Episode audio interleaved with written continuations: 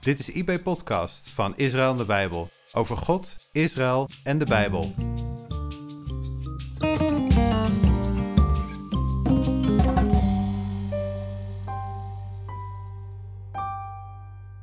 Wij zijn allemaal Joden.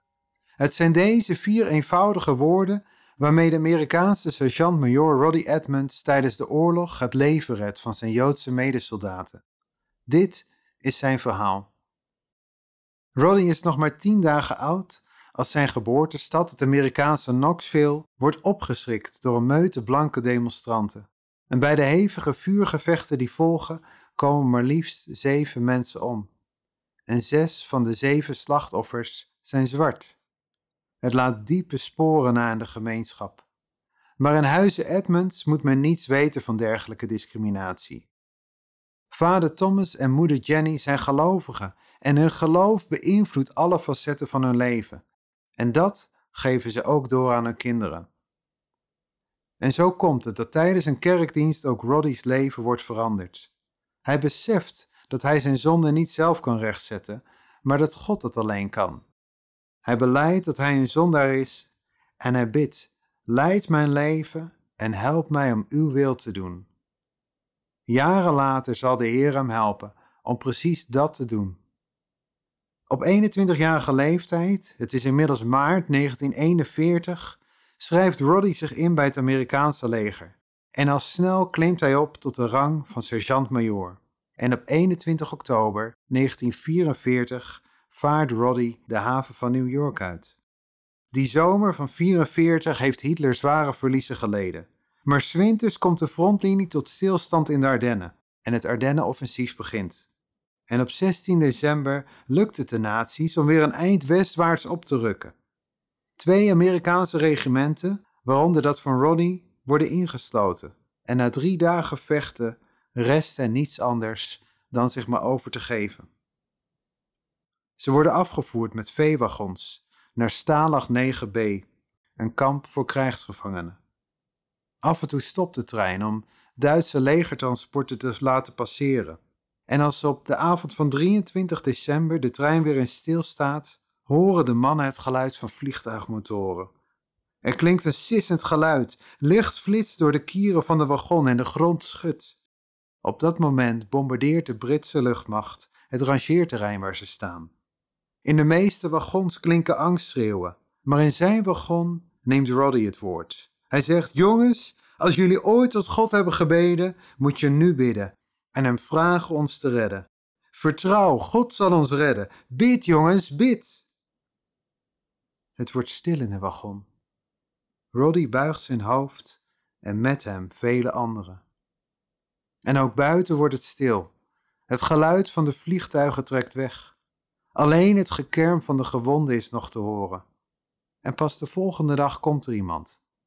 Een Duitse soldaat opent de deur met een cynisch Merry Christmas. Het is kerstavond. Hun kerstdiner bestaat uit één brood voor de hele wagon. En zo komen de mannen terecht in Stalag 9b. Bij aankomst moeten ze formulieren invullen, waarin, tegen de oorlogswetten in, allerlei persoonlijke informatie wordt gevraagd.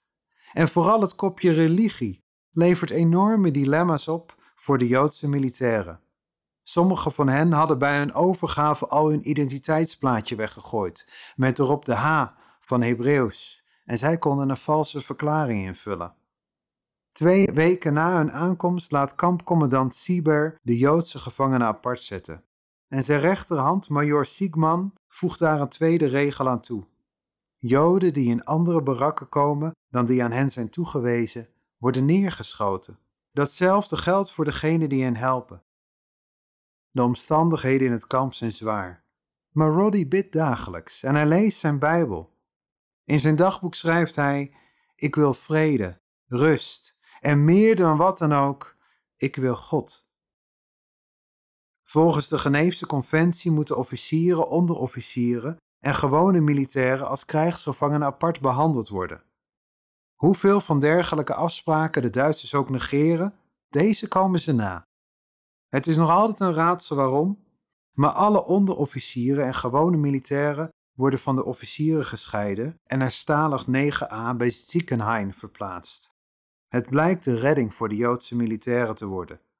Later worden 350 achtergebleven Joodse officieren naar concentratiekamp Berga gebracht. Van hen sterven er 73 binnen 10 weken. Van alle 1292 Amerikaanse gevangenen in Stalag 9a blijkt Roddy het hoogste in rang te zijn. De dag na aankomst, het is inmiddels 26 januari 45, klinkt door de luidsprekers van het kamp de mededeling dat alle Joodse gevangenen de volgende ochtend op appel moeten komen. Roddy wendt zich tot zijn mannen. Hij zegt: Dat gaan wij niet doen. Morgenochtend gaan we allemaal naar buiten. Zijn bevel wordt doorgegeven aan alle andere barakken. Als soldaat Lester die nacht vanaf zijn bed naar Roddy kijkt, ziet hij zijn vriend stil bidden. De volgende ochtend staan er inderdaad 1292 Amerikaanse gevangenen opgesteld in de sneeuw. Zelfs de zieken zijn naar buiten gekomen. Major Siekman, die ook naar dit kamp is gekomen, is woest. Wat is hier aan de hand? Is dit een grap? Roddy antwoordt. Volgens de Geneefse Conventie hoeven wij alleen onze naam, rang en identificatienummer te geven. Siekman raakt gefrustreerd. Was mijn bevel niet duidelijk? Alleen de Joden zouden naar buiten komen. Maar Roddy blijft rustig. Major, we geven u onze naam, rang en identificatienummer. Meer niet. Dan begint Siekman te schreeuwen: Alleen de Joden! Dit kunnen niet allemaal Joden zijn! En Roddy kijkt hem recht in de ogen aan en zegt: Wij zijn allemaal Joden. Het wordt stil. Niemand durft te bewegen als Siegman zijn Luger-pistool op Roddy's voorhoofd richt. Sergeant-major, ik geef je een laatste kans. Je beveelt nu alle Joden een stap naar voren te doen of ik schiet je neer. Er valt een lange stilte. Je kunt mij neerschieten, maar dan moet je ons allemaal doden. Wij weten namelijk wie je bent. En als wij deze oorlog winnen, zul je terecht staan voor oorlogsmisdaden. Siekman laat zijn pistool zakken en hij maakt zich uit de voeten. En zo redt Roddy 200 Joodse gevangenen.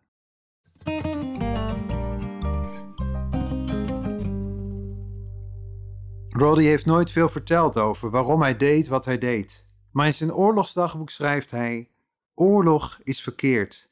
Talloze levens gaan verloren. Mensen vergeten God steeds meer. Laat God onze generaal zijn en laten we onze levens leven zoals Hij dat deed. Roddy's zoon, Chris, is predikant geworden. En zijn vader kennende heeft hij wel een vermoeden van wat zijn beweegredenen waren. Hij zegt: Mijn vader was bereid te sterven voor de Joodse mannen die onder zijn bevel stonden, omdat hij geloofde dat een Joodse man gestorven was om hem te redden. Jezus Christus. Dat is het getuigenis wat Roddy heeft nagelaten. Maar daarmee stopt het verhaal niet. Het verhaal gaat jaren later verder, meer dan 50 jaar later. Een van Roddy's soldaten was Hank Friedman, een Joodse soldaat, geboren in een orthodox Joods gezin in Boston. En meer dan 50 jaar na de oorlog komt hij door het getuigenis van zijn schoondochter tot geloof in de Heer Jezus Christus als zijn Messias.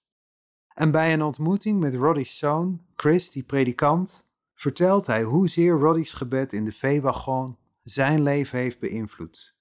Hij zegt: Nu, 70 jaar later, herinner ik het mij nog levendig. Roddy's geloof verbaasde mij. Het was het eerste zaadje van mijn geloof.